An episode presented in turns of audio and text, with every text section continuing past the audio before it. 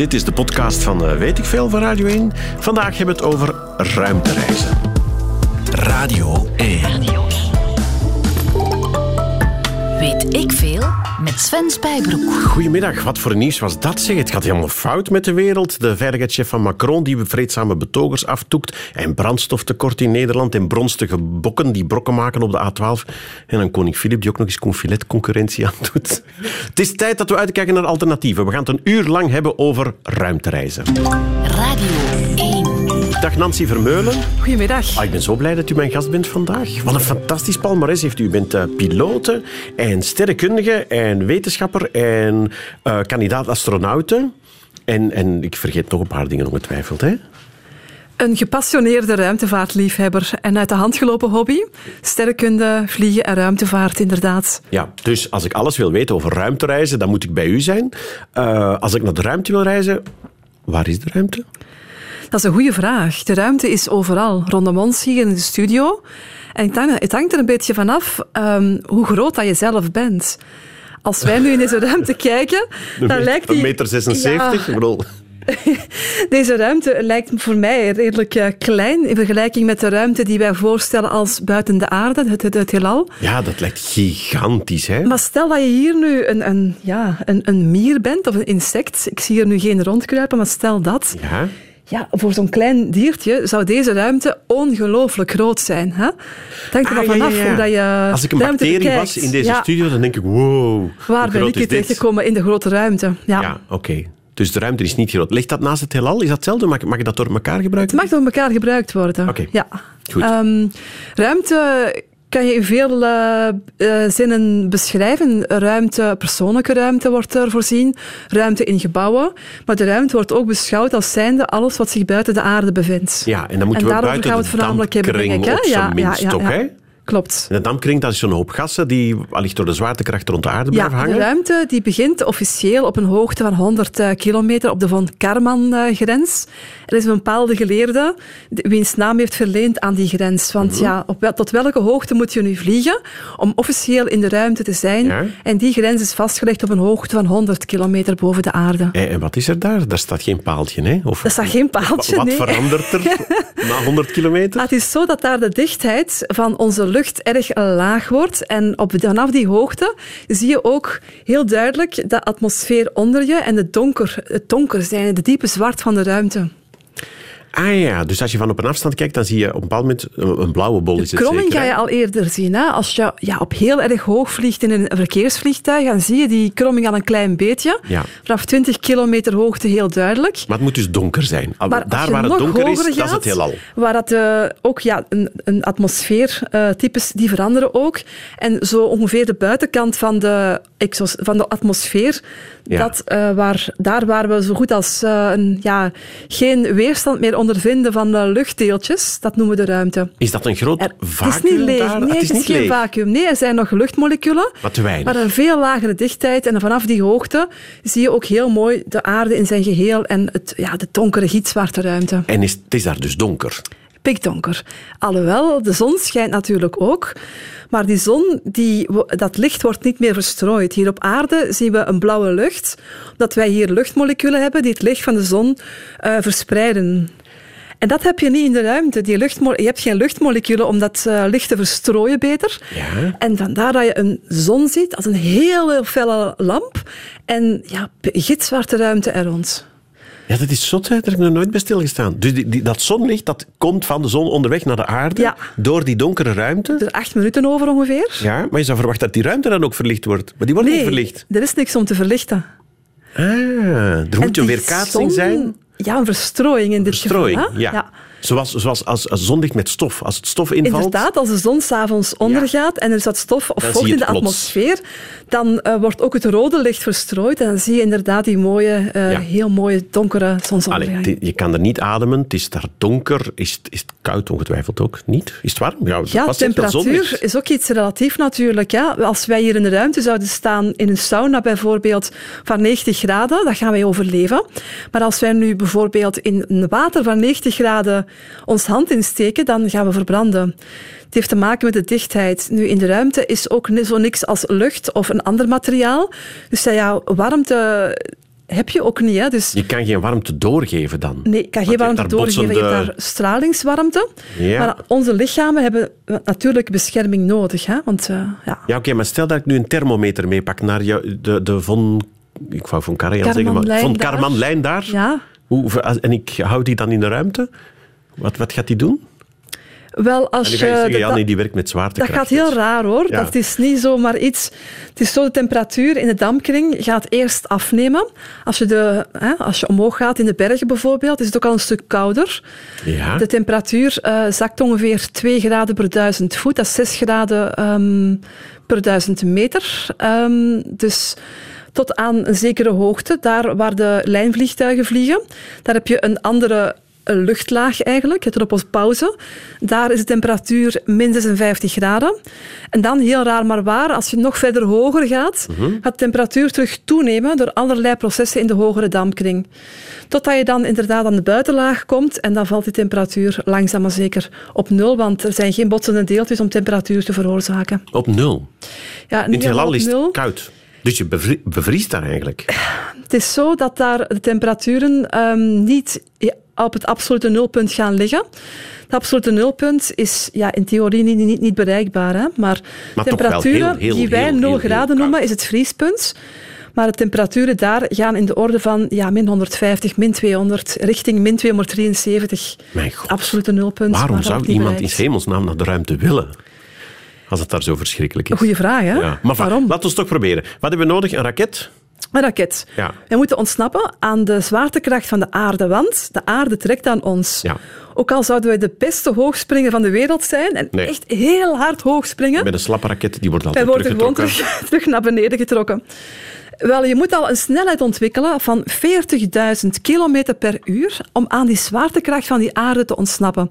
Dat is maar liefst 40 keren sneller dan een lijnvliegtuig. 40.000 1000 kilometer per uur? Die snelheid moet je ontwikkelen en aan die snelheid heb je genoeg hè, snelheid, eh, versnelling om te ontsnappen aan de zwaartekracht van de aarde Maar en kan je zo, vrij. die, die beelden die je ziet van zo Cape Canaveral was dat in der tijd. Ja. Hè? Of, zo, of, of wat is dat daar in Rusland? Of op Papua-Nieuw-Guinea, waar de ESA zijn eh, raketten lanceert. Dat, als je dat ziet vertrekken op televisie, dat gaat ongelooflijk traag. Hè? Dat vertrekt echt Die versnelling moet je opbouwen. Hè? Als je nu met En een... tegen het eind van de rit, als het nog aan de rand van de dampkring, moet die al 40.000 kilometer per uur Dat gaat geleidelijk aan, hè, in verschillende trappen. Raketten hebben verschillende trappen. Maar uiteindelijk op het einde, inderdaad, hè, de ontsnappingssnelheid die bereikt wordt, is in die grote orde. En daar zit een astronaut in. En die kan dat verdragen. Ja, dat zijn versnellingen. Dat noemt men G-krachten. Als je heel snel in je auto een eh versnelt, voel je dat ook al een je beetje voelt dat, je optrekt, dan wordt niet Als je naar de Sinkse- Sinksefoor gaat of een leuke kermis of attractie op een eh, pretpark, Ja. voel je ook versnellingen. Hè? Eh, waarbij je twee tot drie keer de zwaartekracht ervaart. Astronauten maken dan nog eens in een, in een veelvoud mee. Dus uh, Dat je dat overleeft, zeg dat alleen al. Die wel, ze zijn erop getraind. Het is ook maar kortstondig. En ze liggen op hun rug, waarbij ze het eigenlijk vrij goed kunnen verdragen. Vallen ze dan flauw en zo? Van, van trek je bloed Nee, aan nee, nee hoor, absoluut niet. Nee. Ze worden getest in zo'n slaaswierder, in een centrifuge, waar tot acht, negen keer de zwaartekracht wordt nagebootst. Maar zoveel gaan ze ook niet ervaren in het Ah, ja. omhoog gaan. Nee, nee. Zeg, je hebt net gezegd, je, was, eh, je bent ooit kandidaat-astronauten geweest. Klopt. Of nog altijd. Nee, ik heb meegedaan aan de selectie bij ESA in 2008. Mhm. Toen waren we met 15.000 hooggekwalificeerde kwali- kandidaten over heel Europa. En maar één keer om de 15 jaar, gemiddeld hier nu, wordt er een astronautenselectie georganiseerd. De vorige was in 1992. En ja, goed, ik heb een aantal rondes overleefd, maar eh, helaas eh, niet. Waar, waar de ben je afgevallen? In de slaaswierder? Of, of Eh, nee, dat, dat wordt u niet gezegd. Ah, ik nee, heb twee nee. rondes eh, meegedaan en dan, ja, je plaats wordt ook niet officieel meegedeeld.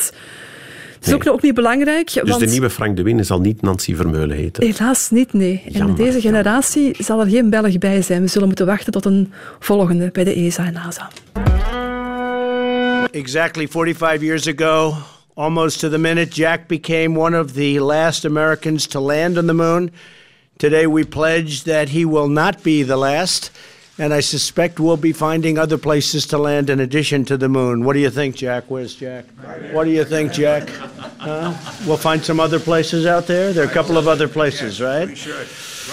We will not only plant our flag and leave our footprint, we will establish a foundation for an eventual mission to Mars and perhaps someday to many worlds beyond. Nancy Vermeulen. Als die Trump dat vertelt, dan klinkt dat allemaal zo simpel. hè. We doen dat toch even, we vinden wel iets daarbij. Ja, klinkt ongelooflijk simpel. Ja, en volgend hadden jaar gaan we dat doen. Ja. Eh, eh, Zegt hij, hè? Ja. voor alle duidelijkheid. Nu, mijn hart stond even stil. Bij wijze van spreken. Eh, je, je had het er net over het feit dat je kandidaat astronaut was voor de ESA. Maar je bent ook, Trump heeft het over Mars, hè? je bent ook eh, commander geweest van MDRS-90. Een Mars-simulatiemissie in de woestijn van Utah. Ja. Hoe, lang heb je daar opgesloten gezeten? En niet zo erg lang. Het waren korte missies van 15 dagen. De bedoeling is om daar heel snelle eh crewrotaties te doen en zoveel mogelijk mensen te laten ervaren wat het is om inderdaad op een vreemde planeet aanwezig te zijn en hun ervaringen te delen. Heel erg interessant, want wat wij als, op aarde als vanzelfsprekend beschouwen, gewoon lucht om te ademen, eh, voedsel, ehm, energie, Internet, hè, dat is allemaal niet voorhanden op Mars. Je gaat nou op zo'n missie met heel wat eh, dingen dat je wilt doen. En ter plekke moet je ondervinden dat je eigenlijk eh, je tijd helemaal anders moet gaan indelen. Je bent voor een heel groot stuk van je tijd bezig met overleven. Je moet om te beginnen een kleine ruimte efficiënt indelen, want je moet allemaal samen op die kleine ruimte je organiseren. Dus samen eten, samen werken. Ehm, ja, alles moet gecoördineerd eh Het lijkt mij een verlopen. strafkamp, eerlijk gezegd. Als, als je zo ook in zo'n klein hok gestoken wordt en dan... Hoe lang ben je trouwens al onderweg naar Mars? Wat is dat, een half jaar of zo? Een half jaar. Ja, voilà. Met onze huidige technologie. in zo'n hok en dan mag je ginder Ja. ook in een container kruipen en... Eh, confinement, opsluiting, is de ergste straf dat je een mens kan aandoen. Niet voor Precies. niks gaan wij onze Ja. misdadigers in de gevangenis steken. Dus je moet al van uit speciaal hout gesneden zijn om zo'n lange missie te doen en dan nog ter plekke Mars te gaan koloniseren. Nu, onderweg naar Mars gebeurt er nog van alles met je lichaam, wat niet zo aangenaam is en wat het landen op Mars natuurlijk een stuk moeilijker maakt. Ah ja, ja want we hadden het er net over. Die, die ruimte, dat is eigenlijk een ongelooflijk vijandig ding. Hè? Je Ja. kan daar niet ademen. Eh, het is daar verschrikkelijk koud. Je hebt dan zo een, een ruimtepak nodig. een ruimtepak om jou in eh, perslucht te voorzien, om je lichaam onder druk te houden. Wij zijn gewoon te leven hier bij een aardse atmosfeer van gemiddeld 1013 hectopascal. Maar als de luchtdruk wegvalt, de druk op je lichaam wegvalt, dan gaan jouw organen er van binnen ook niet happy mee zijn. Dus je moet Ah, ja, je lichaam ook onder druk houden in een drukpak. Die luchtdruk die houdt ons Die houdt eigenlijk ons lichaam samen. ook samen. Als die wegvalt, dan, dan, dan wat, explodeer je dan? Of, Nee, zet je, exploderen ga je niet doen, maar... je ehm, zet uit. Je zit uit en dat ga je niet overleven. Je organen gaan dat niet overleven, bloedvaten gaan barsten enzovoort. Dus dat ruimtepak is voornamelijk voorzien om je eh, lichaam onder druk te houden. Ja. Gaat je ook in zuurstof voorzien, uiteraard. Ja. En gaat je lichaam... Ja, je hebt ook een binnenpak dat je lichaamstemperatuur eh, gaat regelen. En isoleren, ja. Ehm, je bent geïsoleerd, maar natuurlijk door lichaamswarmte ga je het veel te warm hebben en je lichaam moet op de juiste temperatuur gehouden worden. En er zit koeling in ook. Koeling, inderdaad. Ja, koeling eh, op het Ja. lichaam zelf. Ik heb me eens laten vertellen dat de NASA heel lang onderzoek heeft gedaan naar winderigheid. Stel dat je protten moet laten in zo'n pak. Dat lijkt mij een onoverkomelijk probleem, niet? Kan je jezelf vergassen dan? Of? Ik heb geen idee. Ik heb het nog niet meegemaakt. Nee? Nee. Oké, nou, ik dacht, die Nancy die weet alles. Maar goed, iets anders. eh, eh, in, in de ruimte is, is kosmische straling, heet dat zeker? Hè? Ja, klopt. Is een soort- is op aarde zijn beschermd tegen de, microwave? de zon. zendt niet alleen mooie licht uit, dat wij kunnen waarnemen en voelen in de vor- eh, niet kun- dat wij kunnen zien beter en voelen in de vorm van, vorm van warmte. Maar buiten die aangename aardse straling zendt ze ook nog hoge energiestraling uit. Ultraviolet, dat waar, waar wij van verbranden. Maar ook gamma-stralen en X-stralen. Dus stralen die echt gevaarlijk zijn voor ons menselijk DNA.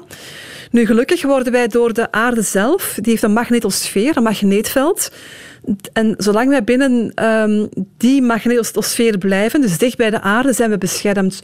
Dus astronauten in het internationale ruimtestation zijn relatief goed beschermd nog binnen die magnetos- magnetosfeer van de aarde. Ah, waar zitten die ergens? Op welke Maar hoogte? Van 400 kilometer. dat 400 is niet kilometer. zo ver, hè? dat is van hier naar Parijs. En dan verticaal omhoog. Ja, ja, ik weet het. Ze doen daar zo geweldig over. Oh, het zit in de ruimte. Ja, Maar zover 400 is dat kilometer, hallo. Maar het verandert als je naar de maan zou gaan. Dat is duizend, ongeveer duizend keer verder, de 300.000 kilometer. Het begint al, hè? Dat is een grote orde duizend verder. Dan ga je voorbij die magnetosfeer, die beschermende eh, magneetlaag van de aarde.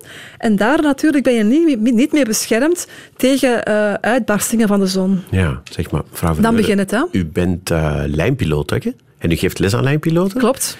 Ik heb me ook wel eens laten vertellen door, denk een of andere lijnpiloot, dat die straling, of dat je eigenlijk radioactief bestraald wordt als je veel te hoog in Oh, de... een in, eh, heel klein beetje hoor. Nu, een gemiddelde lijnpiloot op Europa gaat daar niet veel last van ondervinden. Eh, piloten die ehm, over de oceaan richting Amerika, Canada gaan vliegen, het in de buurt was van de magnetische ehm Dat Zuidpool. airhostessen na een jaar licht geven in Tonkerto. Dat, dat is Ja, eigenlijk- dat is, was de idee. Ja. Inderdaad, zo grappig zijn. ja. Maar valt het wel mee? Of is het toch echt Nee, het valt wel mee. Het is zo inderdaad in de tijd van de Concorde. ehm, die vluchten gingen erg hoog. En ook in de buurt van mag- van de aardse magnetos, eh, magneetpool. En daar moesten eh, de piloten en stewardessen en stewards dus ook een dosimeter dragen. Net zoals medewerkers in een kerncentrale. Om een jaarlijkse Ah, ja. dosis niet te overtreffen. Maar levensbedreigend is dat nooit geweest. hoor. Maar dus als je, in de ruimte is dat nog allemaal veel straffer. Heb de je een soort straffer. loden ruimtepak nodig? Zou dat werken? Nee, uiteindelijk de gemiddelde dosis die een ruimtevaarder eh, oploopt in het internationaal ruimtestation is ver, ver beneden de maximale grens. Maar als je richting de maan en naar Mars gaat reizen, dan, eh, en, en er zou een zonneuitbarsting zijn, want de zon is geen rustig sterretje. Af en toe heeft hij ook uitbarstingen. Dat kan je volgen op het zogenaamde ruimteweer. Dan natuurlijk krijg je straling binnen die niet zo gezond is. ja. Vliegen er ook brokstukken rond in de ruimte? heel veel. Dus je riskeert daar ook nog iets van alles. Heel veel brokstukken. De grootste zijn bekend, maar honderdduizenden brokstukjes, heel kleintjes, zijn nooit, nog niet in kaart gebracht. Dus micrometeorieten die als kogeltjes eh, door je heen zouden kunnen gaan, ja, dat kan. Want in, Dat Star Wars, hij zei er net, de ruimte Ja. dat is donker en leeg. Leeg zou ik En het er niet is noemen. niks, maar als ik het goed begrijp, Ja, het is zo wat is het bi- allemaal? Sterren, sterrenstof eigen- en kleine stukjes planeet en wat... Wel, als we kijken binnen ons eigen zonnestelsel, de zon met de acht planeten, daartussen heb je nog een hele hoop restanten, afkomstig uit het ontstaan van het zonnestelsel 4,5 miljard jaar geleden.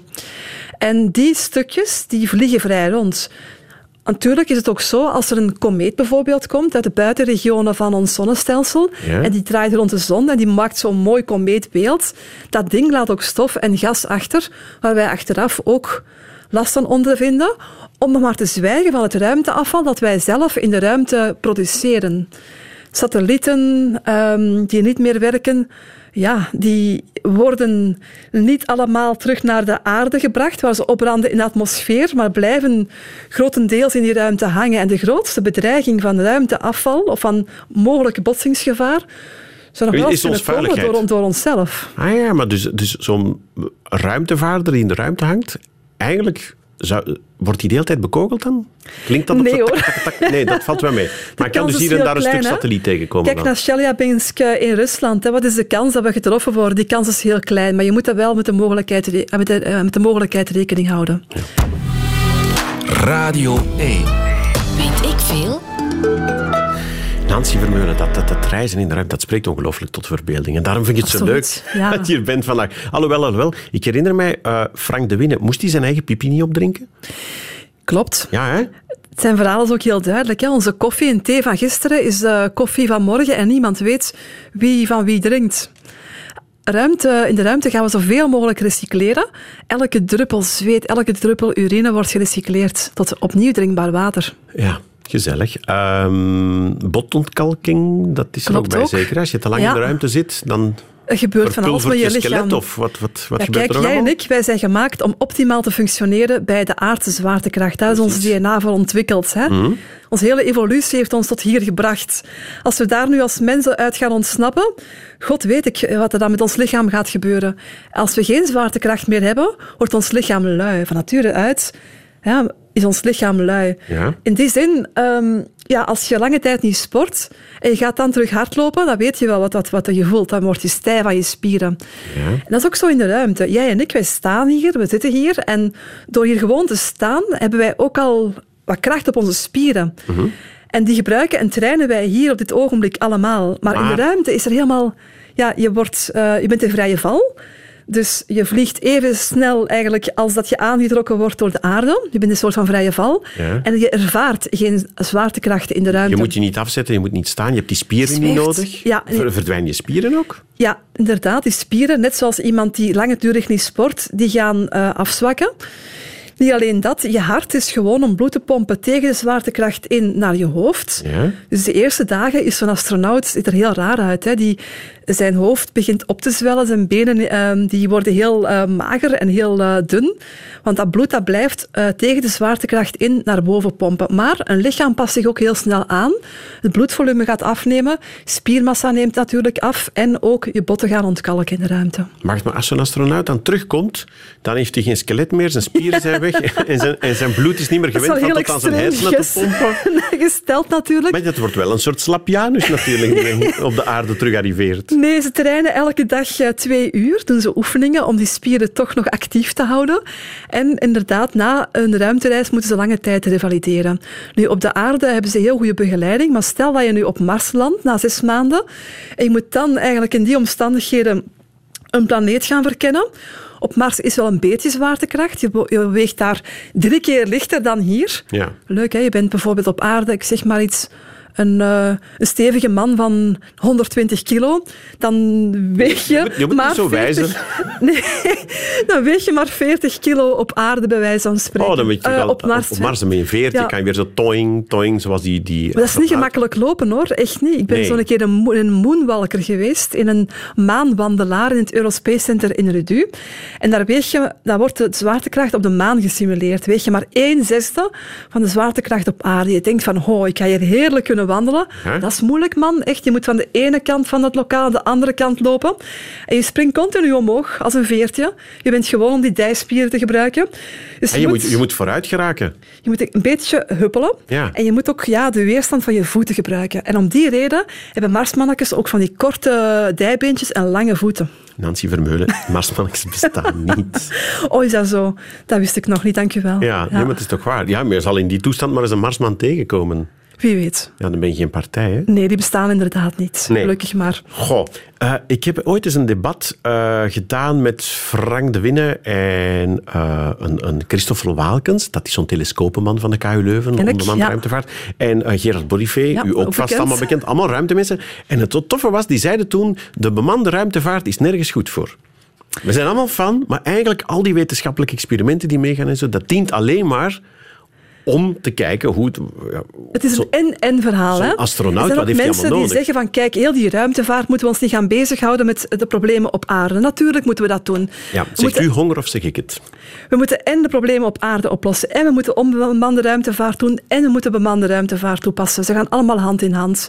Nee, dat is niet waar, want Bemande ruimtevaart, ruimtevaart? kost afschuwelijk veel geld, toch? Hè? Oh, maar oorlogen financieren kosten nog een veelvoud meer. Dat is waar.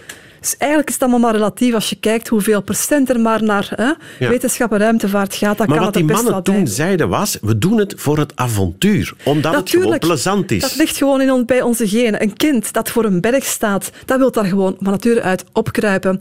Wij als mensen onderscheiden ons van de andere dieren gewoon door onze verkenningsdrang. Het is gewoon in ons DNA van de mens om andere werelden te gaan verkennen. Dat drijft onze hele evolutie en ook onze vooruitgang. En ik ben ervan overtuigd dat je de, huidige generatie alleen maar kan inspireren door verdere stappen in de ruimte te ondernemen. Kijk maar in de jaren 60 met die maanlandingen. Hoe dat uiteindelijk het gevolg van die maanlandingen een hele economie vooruitgeduwd heeft. Al die spin-offs, al die technologische vooruitgang. En heel die maatschappij die daarmee meeleefde en uiteindelijk hoger getild is. En dankzij die snelle vooruitgang, die hoge vlucht van de ruimtevaart, hebben wij in onze maatschappij nu toepassingen die er nooit niet hadden Ja, geweest. Mevrouw Vermeulen, hou u vast aan de, aan, aan de studiotafel. U stijgt bijna op van enthousiasme. Ja, klopt, Ik ja. zie het gewoon. U gaat echt omhoog. Het is een beetje zoals 2K. Het is nergens goed voor, maar het is geweldig plezant voor iedereen. Absoluut. Om kwart voor tien gisteravond Belgische tijd stijgt de Falcon Heavy op van op Cape Canaveral. Het is van de maanvluchten geleden dat nog zo'n krachtige raket werd gelanceerd. En ook uitzonderlijk, de raket is van een commercieel bedrijf van SpaceX van Elon Musk. Successful separation. Acht minuten later landen de zijraketten weer netjes op Cape Canaveral, klaar voor hergebruik. En de testlading, een nieuwe Tesla Roadster, bestuurd door een pop, die is intussen vertrokken voor een baan rond de zon. Qua ruimteafval kan dat tellen. Hè? Een hele Tesla Roadster de ruimte in. Zeg. Nancy Vermeulen, jij hebt ooit geprobeerd om eh, bij de, ASA, eh, de ESA als astronaut terecht te kunnen. Dat is niet gelukt, helaas, tot in de voorlaatste ronde. Maar commerciële ruimtevaart, je zou gewoon een ticketje kunnen kopen. Hè? 200.000 dollar, dat heb ik niet klaar liggen. Maar het kan al. Het kan nog uh, niet. Um, je hebt inderdaad um, Virgin Galactic van Richard Branson, die al jarenlang ticketen aan het verkopen is. Maar zijn ruimtetuig vertoont wat kinderziektes. Dus ja, het zal voor één van de jaren zijn, zegt hij, maar het komt er, ja, het komt er hopelijk van. Wat wordt er, er zijn eigenlijk... nog zoveel andere initiatieven buiten die van hem natuurlijk. Hè. De commerciële ruimtevaart begint nu te exploderen. Het is niet alleen Branson, het is Musk. Uh, ja, een beetje op uw woorden. Letterlijk, uh, nee, dat is misschien inderdaad een... Maar wat bieden, wat bieden ze aan? Wat, wat moet er mogelijk zijn? We hadden gezegd, de ruimte begint op 100 kilometer hoogte. Ja. En het ruimtestation, dat is... Hoeveel was het? 400, kilometer hoogte? Gemiddeld, ja. Gaan zo, gaat zo'n raket tot daar? Of, of? Nee, dus um, concreet. Hè? Dus je moet in, inderdaad proberen om die grens van 100 kilometer over te geraken.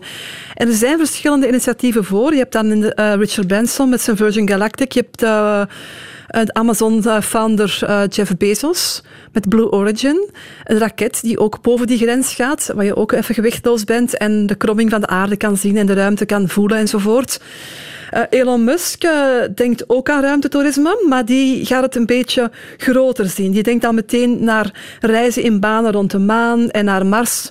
Wat nog niet concreet is eigenlijk. Hè. Maar het is een visionair. Dat, dat, dat, dat zijn drie rijkaards eigenlijk, die veel te veel geld hebben en die denken, Ja. we gaan eens zot doen of zo? Of is het ergens? Eigenlijk is het, is het wel zo. Ik heb uh, inderdaad Richard Branson ooit mogen ontmoeten. Ja? En ik heb hem die vraag ook gesteld, van waarom doe je dat nu eigenlijk? En hij vertelde me, kijk, ik had in de, in der tijd, toen ik jong was, een droom. Ik wilde astronaut worden.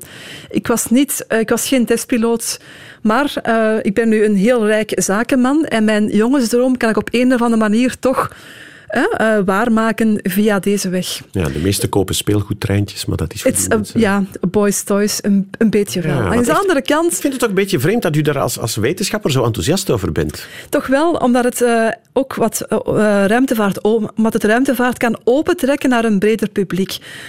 De ruimtevaart van de afgelopen 30 jaar, de bemande ruimtevaart, is een beetje blijven stagneren. Hè, wat een hele grote vooruitgang in de jaren 60 door um, de militaire gedrevenheid. De Koude Oorlog heeft die ruimtevaart enorm, uh, naar enorm grote hoogtes uh, geduwd. Mhm. Mm -hmm. En dan is die bemande ruimtevaart een beetje beginnen stagneren. En Lang is het geleden dat we nog naar de maan zijn geweest? Lang, hè? Ja, van 72. Dus uh, dat Ah, is voilà. heel lang geleden. Dat is Het is een beetje jammer. En ik denk dat die commerciële ruimtevaart daar een boosting kan geven om het open te trekken naar een, een industrie waar mensen kunnen gaan werken. En het is die stap die we moeten nemen om inderdaad de ruimtevaart uh, naar een breed publiek te Ja. brengen. Maar Daar- moet het allemaal bemand zijn met echte mensen? Ja, als, als dat Die- allemaal zo gevaarlijk en moeilijk is, dan stuur Het je is toch gewoon- logisch eigenlijk. Hè? De Nee, logische nee. volgende stap is naar de maan te gaan, naar een kolonie te bouwen, Nee, gaan, gaan experimenteren. De logische volgende stap is, we sturen een robot mee. Die kan daartegen, tegen al die Die gaan we ook sturen, uiteraard. Die moet onze woningen gaan bouwen op de maan. Die moet inderdaad ook gaan ontginnen. Ja. Die moet water uit de bodem gaan halen, uh, landingsplekken gaan verkennen.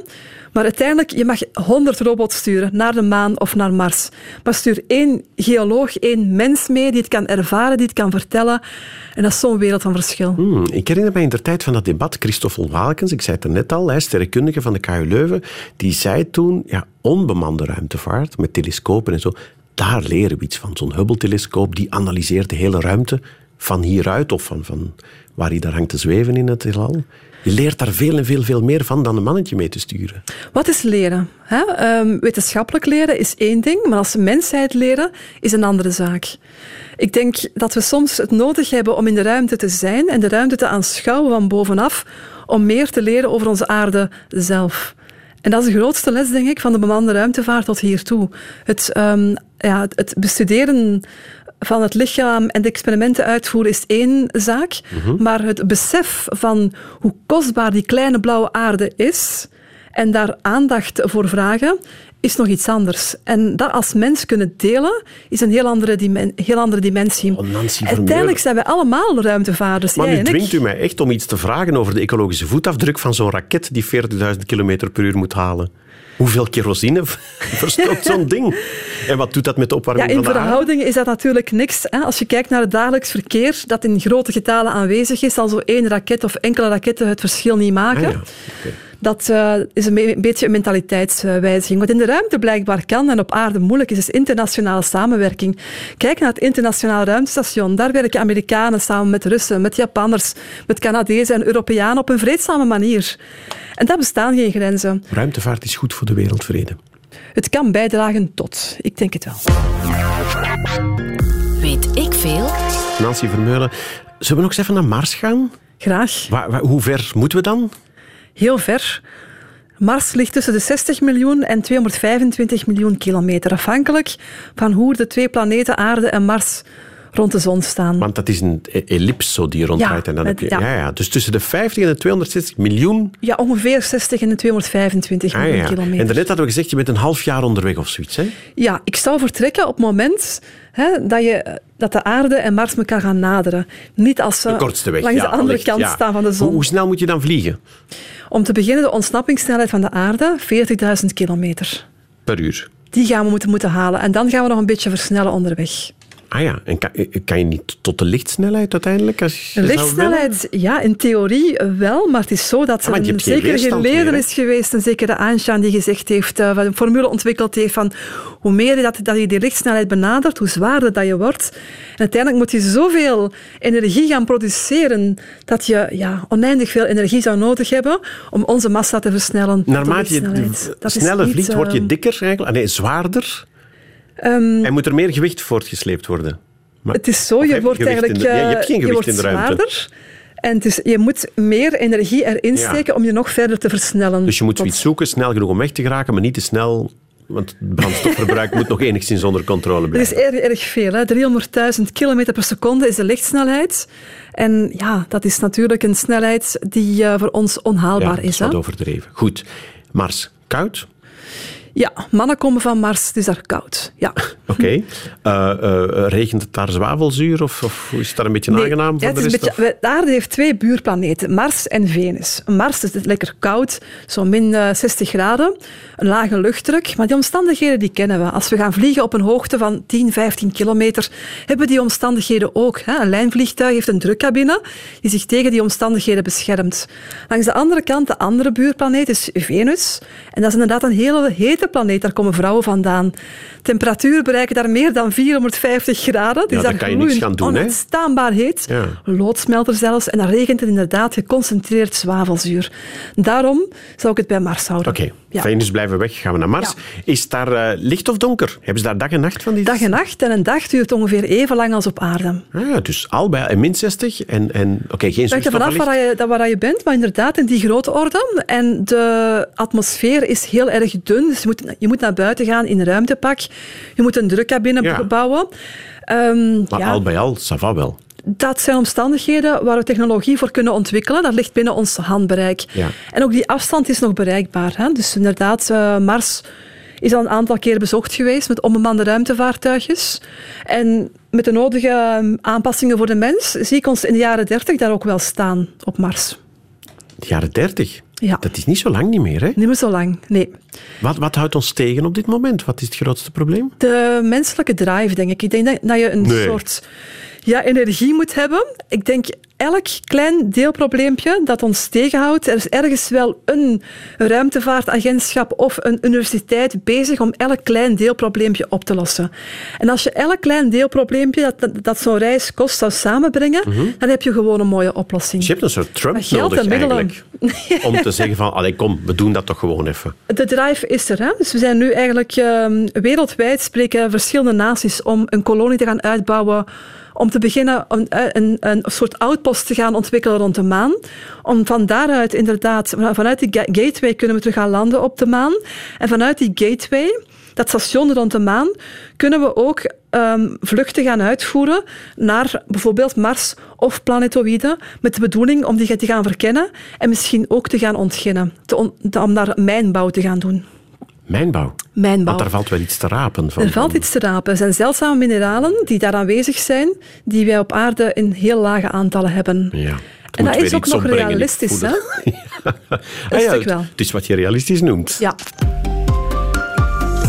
Weet ik veel? Nancy Vermeulen, we hebben nu een eh, uur lang over ruimtevaart gepraat. Dan op het einde vraag ik me altijd af, hè, wat heb ik nu eigenlijk geleerd van deze hele trip. Ehm, het blijft toch nog altijd, het is werkelijk nergens goed voor. Maar het is wel ongelooflijk plezant, hè? De meningen zijn erg gepolariseerd daarover, maar ik zou toch willen afsluiten met even de bedenking van kijk, jij en ik, wij zijn allemaal ruimtevaarders. Wij vliegen rond op Spaceship Earth. Ah, op dit moment, De aarde ja. zelf Hoe is snel- een hoe snel was grote raket. Hè? Wij draaien rond de zon aan een snelheid van 100.000 kilometer per uur. Echt waar. Dus we zijn eigenlijk allemaal, allemaal astronauten op de aarde zelf. Dat is ongelooflijk, dat kan je dus echt niet voorstellen. En eigenlijk is zo'n 100.000 uitje naar de ruimte gewoon maar even naar een hoge toren gaan om een uitzicht te hebben. Ik ga even bekomen gewoon van het idee alleen. Nancy, dank je wel. Radio 1. Weet ik veel? Dit was Weet ik veel, de podcast. Een aflevering tussen de vele. Je vindt ze allemaal terug op radio1.be.